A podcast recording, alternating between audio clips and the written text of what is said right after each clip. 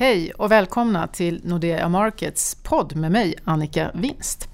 Idag har jag med mig min kollega Torbjörn Isaksson. Välkommen tillbaka Tobbe. Tack så mycket. Eh, sist eh, du var med så samtalade vi om den konjunkturrapport som vi precis hade släppt och vårt budskap då, eller vår slutsats av det där var snarare att vi var realister än pessimister. Vi fick en ganska pessimistisk eh, bild uppmålad i media och så vidare av det som vi presenterade. Nu ska vi prata BNP igen. Och eh, skälet till att vi gör det, det är att vi har fått utfallet för fjärde kvartalet. Och om man tittar på det så ser det ju bättre ut på pappret eh, åtminstone. Men om man tittar lite noga i detaljerna så var det snarare så att utfallet var en paradox. Tobbe, kan du förklara? Eh, det var ju glädjande att BNP-tillväxten var högre än väntat. Och eh, det, drivkraften bakom den höga tillväxten var exporten. Däremot, som är då paradoxen här, att sammansättningen ju, eh, var inte särskilt gynnsam, i alla fall ur ett riksbanksperspektiv, då den inhemska efterfrågan var överraskande svag. Nej, och det är också en paradox att svensk export går bra när omvärlden eh, viker. Men jag tänkte, kan du bara hjälpa lyssnarna eh, nu när vi börjar att prata om det här? Vad blev utfallet och vad var väntat?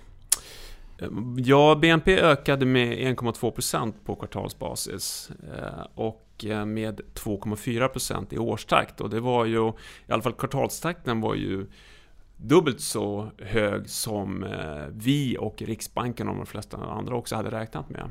Mm. Så det var en rejäl överraskning, ja. positivt. Och om vi då börjar med de goda eh, nyheterna så exporten var förvånansvärt stark med tanke på, på omvärlden och vi ser ju i världshandeln att eh, den nu viker inte minst för tillväxtländerna och det kanske inte är så konstigt. Vi har en stark dollar, vi har Kina som har bromsat in.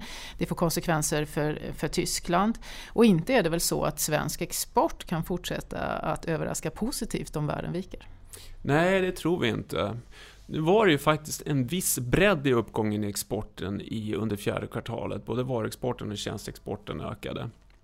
Nu är det så att Sverige inte är ett större land än att vissa eh, större enskilda företag faktiskt kan få genomslag i, i svenska exportsiffror. Och det tycks vara lite grann så att det är lite företagsrelaterat den här uppgången. Dels så går svensk motorfordonsindustri bra och det ser ut som att det handlar om att just eh, många, eh, våra motorfordonsföretag har liksom en bra produktportfölj just nu som liksom får genomslag i, i ökad efterfrågan. Ericsson eh, har kvicknat till vad det verkar och det syns också i telekomexporten som går bättre. Och viktigt också under fjärde kvartalet att läkemedelsindustrin gick starkt. Eh, AstraZeneca, eh, AstraZenecas fabrik i Södertälje sägs ju vara världens största tillverkare av mediciner faktiskt. Eh, imponerande. Det är imponerande. Eh, I, I linje med många andra imponerande saker med svensk näringsliv. Eh, och det syntes då i också exportsiffrorna. Det var en bra uppgång, stark uppgång i exporten av läkemedel. Men om det är så att vi har produktion av rätt sorts varor och tjänster, då skulle man kunna tänka sig att det håller i sig lite längre. Eller ska man se det som att det kanske också var tillfälligheter, att man har sålt något man har jobbat väldigt länge på och så får man utslag i exporten? Ja, det är lite periodiseringseffekter här. Och en tillfällig effekt är ju tjänsteexporten då. Mer än halva BNP-tillväxten under eh, fjärde kvartalet var faktiskt eh, ett, eh, eh, att nettot av tjänst, utrikeshandel med tjänster gick eh, jätte, jättebra. Och där finns det lite tillfälliga effekter i att eh, forskning och utveckling, eh, där var det en stor exportsjok. Och det tycks också vara kopplat till läkemedelsindustrin då, att att det såldes en rättighet för läkemedel till ett tyskt företag faktiskt. Mm. Det vet vi inte med säkerhet, men, men, men det var den här uppgången sammanfaller med en sån stor affär i alla fall. Och forskning och utveckling som en, en, stor affär låter ju också som att det är något som har pågått under en längre tid som man då får betalt för i det här läget. Ja, Eh, om man istället tittar på de dåliga nyheterna så inhemska ekonomin går ju svagare. Om vi börjar med hushållen då, de tvekar nu. Men är det så konstigt i den miljön som vi har varit? Vi har fått en korrektion på börsen, vi har eh, eh bostadsmarknaden som sviktar lite grann och vi pratar om att vi har en avmattning och kanske till och med en lågkonjunktur. Nej men precis så. Eh, det är en stagnation i hushållens konsumtion inklusive fjärde kvartalet. Och också vad vi kan se i början av 2019, det lilla vi ser av det, detaljhandeln har gått eh, svagt i januari och bilinvesteringarna har varit svaga och konsumentförtroendet är fortfarande nedtryckt. Eh, och, och det är nog förmögenhetseffekter i görningen här. Historiskt, erfarenhetsmässigt så vet vi att framförallt den reala förmögenheten alltså bostadspriserna, har stor förklaringskraft på hushållens eh, konsumtions och sparbeteende. Och historien upprepar sig. Eh, bostadsmarknaden vacklar och hushållen reagerar på det och det är precis den eh, liksom, mekanismen vi ser nu. Och, och, det är ju då huvudförklaringen till att konsumtionen är svag och talar också för att konsumtionen kommer fortsätta vara ganska svag här framöver. Mm, det är ingen tillfällighet. Och, eh, utöver konsumtionen som är inhemsk så har vi också investeringarna och jag antar att de flesta människor eh, har insett att bostadsinvesteringarna kommer vika. Men, men hur ser du på investeringar? Vad kan vi vänta oss framöver där? Ja, men det, det, är det scenariot som, som, som har spelat ut och kommer att fortsätta spela ut. Nu fanns det vissa tillfälliga effekter som tryckte ner investeringar eh, särskilt mycket under fjärde kvartalet. Eh, men även om bortsett från de tillfälliga effekterna så är det en svag trend i investeringsutvecklingen och precis som du påpekar, det handlar mycket om bostadsinvesteringar. Andra delar av näringslivet investerar ganska mycket eh, faktiskt. Eh, tjänstesektorn till exempel och energisektorn hade en riktigt starkt fjärde kvartal. Eh, men det är ändå inte tillräckligt starkt för att de totala investeringarna ska ha en svag trend nu och framöver på grund av att det här eh, bakslaget på, på bostadsbyggandet. Mm. Så investeringarna är fortsatt ett sänke framöver? Ja. Mm. Eh, däremot så har vi en befolkningsökning som gör att offentlig konsumtion eh, bidrar till tillväxten. Vad betyder det? Vad kan du förklara? Det är en viktig drivkraft för den svenska ekonomin. Eh, offentlig konsumtion var förvisso bara, den ökade i, i rätt bra takt, men, eh, men var inte mer än 1,1% högre än fjärde kvartalet 2017. Eh, jag känner mig lite orolig över utfallet där. Det, det känns lite grann som att kan vara så att nationalräkenskaperna, nationalräkenskaperna underskattade ökningen i offentlig konsumtion. Ja, den ska bli ännu bättre? Ja, egentligen. Till exempel kan man se att om man tittar i arbetskraftsundersökningen AKU de senaste månaderna så ser man att halva sysselsättningsökningen, som är väldigt stark, den kommer från offentliga myndigheter faktiskt. Och givet den historiskt sett snabba befolkningsökning som vi har haft i Sverige de senaste åren fortfarande har, så är det ett hårt tryck på särskilt kommunerna och eh, har stora åtaganden. Eh, och det lyfter offentlig konsumtion och också offentliga investeringar som också ökar. Mm, det är allt från förskolor, skolor till infrastruktur och så vidare. Alltihop. Som man ska, Hela paketet. Mm, hur man ska ta. Om vi ska summera ihop det här då så BNP-siffran totalen var stark och det är förstås positivt. Men om man dissekerar den lite mer så exporten finns en risk att det är tillfälligt, världen viker och inhemskt är det fortfarande svagt. Men det är ju ändå så att om man tittar på Q4-utfallet så var det ju betydligt starkare än vad vi hade tänkt oss när vi gjorde vår konjunktur konjunkturbedömning. Eh, hur, hur, ser det ut framåt då? Ja, Behöver vi revidera den? Eh, ja, men det är klart att, att en bättre än väntat BNP för fjärde kvartalet ger någon uppåtrisk eh, även på vårt liksom, BNP-tillväxtprognos. Men jag tycker ändå att, att, bilden överlag med en dämpad BNP-tillväxt står sig i år. För det första som du är inne på, givet den omvärldsbild vi ser så är det svårt att se att exporten ska fortsätta gå bra utan troligen så kommer den vara liksom dämpad. Det tycker jag är den bästa bedömningen. Och vi har pratat om den inhemska efterfrågan där, där hushållens konsumtion och investeringar ser ut att gå trögt under eh, stor del av 2019. Vi anser fortfarande att, att Eh, bästa bedömningen är fortfarande att det blir sammantaget en svag BNP-tillväxt, eh, kanske neråt 1% för, för 2019. Mm. Eh, det var BNP-tillväxten och där ligger vi ju lägre än till exempel Riksbanken. Men också när man tittar på privatkonsumtionsprognosen så skiljer det ju väldigt mycket mellan vår syn, där vi har 1% i privatkonsumtion och Riksbanken har det dubbla. Eh, ligger den prognosen fortfarande kvar med tanke på data som du har fått efter den släppta rapporten? Ja, det, det, tycker jag. Där är vi väl en ännu mer trygg i bedömningen än vad gäller hela BNP mm. egentligen, någon mening.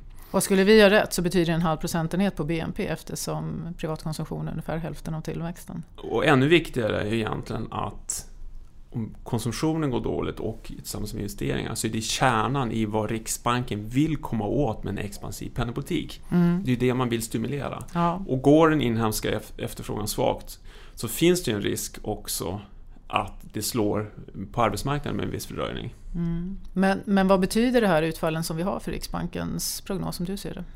Riksbanken, de få kommentarer vi har sett hittills har ju varit så att säga, en positiv tolkning. Men jag tror ändå att man är Eh, bekymrade över att, att den inhemska efterfrågan går så svagt. Och återigen, det finns det ju en risk att det här också slår över på en svagare arbetsmarknad. Mm. Eh, jag har eh, sett att flera direktioner, och jag har gjort jobb tillsammans med några av dem, varit ute och sagt att just vi har en väldigt stark arbetsmarknad. Men vi vet ju också det att arbetsmarknaden släpar. Att först viker efterfrågan och sen när företagen inser det så minskar de produktionen och sen så tar det ytterligare en tid innan man börjar säga upp folk. Hur, hur stark är arbetsmarknaden och vad betyder det ur konjunktur och riksbanksperspektiv? Sysselsättningen har ju ökat jättestarkt till och med de senaste utfallen egentligen. Och eh, sysselsättningsgraden har ju bara fortsatt att stiga och stiga från, och kommit upp till väldigt, väldigt höga nivåer. Eh, så det är ju en positiv faktor och det är ju säkert också någonting som Riksbanken ehm, eh, kommer att framhålla, särskilt i, i sin aprilrapport. Skulle arbetsmarknaden vika Eh, vi tror inte på någon fallande sysselsättning, vi tror snarare på att sysselsättningen planar ut. Men gör den det så, så kommer det vara eh, väldigt, väldigt viktigt för Riksbanken. För vacklar även arbetsmarknaden, då finns det få argument kvar för Riksbanken att eh, hålla fast vid överhuvudtaget för att, att höja räntan. Så att, att följa indikatorer för arbetsmarknaden framöver, anställningsplaner, Nyanmälda ledarplatser det har varit lite svårt att tolka de sista åren. Eh, men den typen av indikatorer för arbetsmarknaden kommer att vara jätteviktiga framöver. Men det finns inte en risk att om man tittar på arbetsmarknaden som Riksbanken, om man ska föra penningpolitik utifrån eh, från att man är eh, fel i tajmingen? Det kan det göra eftersom det är en laggande faktor. Mm. Eh, Okej, okay. om man har en stark eh, arbetsmarknad och en svag tillväxt så innebär ju det låg eh, produktivitet och vi får höga kostnader och högre inflation. Vad är din kommentar till det? Trots den låga produktiviteten så har enhetsarbetskostnaderna Eh, varit eh, dämpade eh, faktiskt. Eh, I alla fall inte varit på något sätt eh, avvikande högt utifrån de inflationsutfall vi har. Så att, Eh, låg produktivitet kompenseras av att löneökningarna är dämpade och det såg vi också i, i nationalräkenskapsutfallet för fjärde kvartalet. Det var väldigt, väldigt dämpade löneökningar där. De hoppar ju väldigt mycket från kvartal till kvartal så man ska inte övertolka det. Men ser man till trenden för hela 2018 så är ju löneökningarna dämpade precis i linje med vad konjunkturlönestatistiken säger. Eh, och vi ser heller inga tecken i inflationsutfallen att, att det är något stigande kostnadstryck eller stigande inflationstryck på gång. Så det kan vara en, en tendens som att vi har en svagare konjunktur, avmattning också som man ser. Det kan vara en indikation eh, på att, att eh, snart kommer efterfrågan på arbetskraft att vika mm. faktiskt. Mm. Snarare än att det är en signal med ett ökat kostnadstryck. Ja, precis.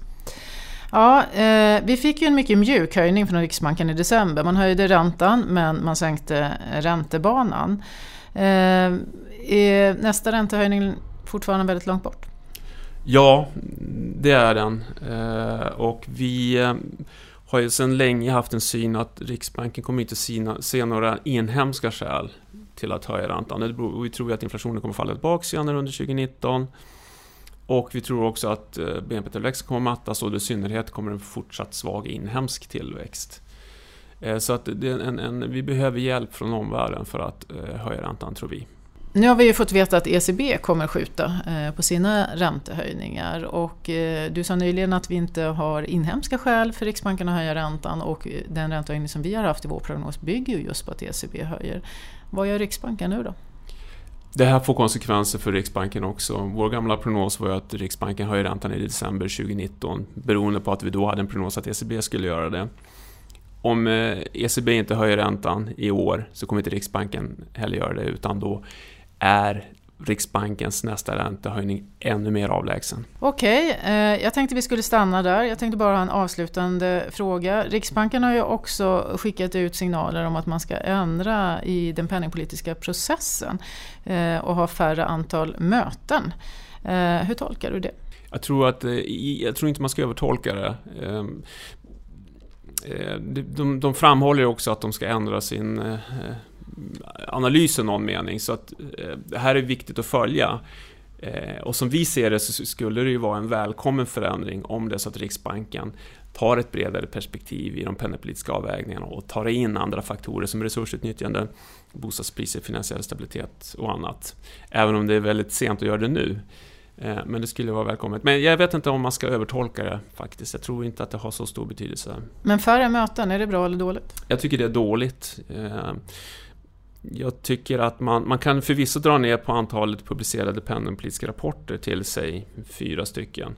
Men jag tycker att, att eh, absolut ska man ha sex penningpolitiska... Och skälet till att man ska ha det är för att det kan bli mycket mer rörigt framöver än vad det har varit de senaste åren, eller vad är ja, ditt precis. argument? Precis, och du, du, om du kommer i en situation där du måste agera med penningpolitiken så är ju fem möten i, i minsta laget. Eh, då behöver man ha sex möten. Och att, att börja lägga in extra möten skapar en osäkerhet ja. Eh, på de finansiella marknaderna, vilket är också, onödigt. Ja, man kan ju också jämföra med andra centralbanker som eh, Fed och Neues Bank och så vidare som har en kontinuitet som är ECB. Och, och har också det upplägget att man äh, inte har fullödiga penningpolitiska rapporter vid varje möte. Nej, utan, vi har ju också pratat om det. Ibland är Riksbanken för transparent, det vill säga säger, säger för mycket för att man ibland ska övertolka det. Och det kanske är klokt att ha kvar antalet möten med lite mindre information i. Så kan det vara. Jag antar att vi får komma tillbaks till det. Eh, det är en fråga som är viktig för marknaden eh, och eh, det får bli en ny podd om det längre fram. Stort tack Tobbe för att du kom. Är det något du vill tillägga om tillväxten, konjunkturen som vi har missat? Alltid ett spännande år framför oss. det låter utmärkt. Vi hörs igen. Tack så mycket för att ni har lyssnat.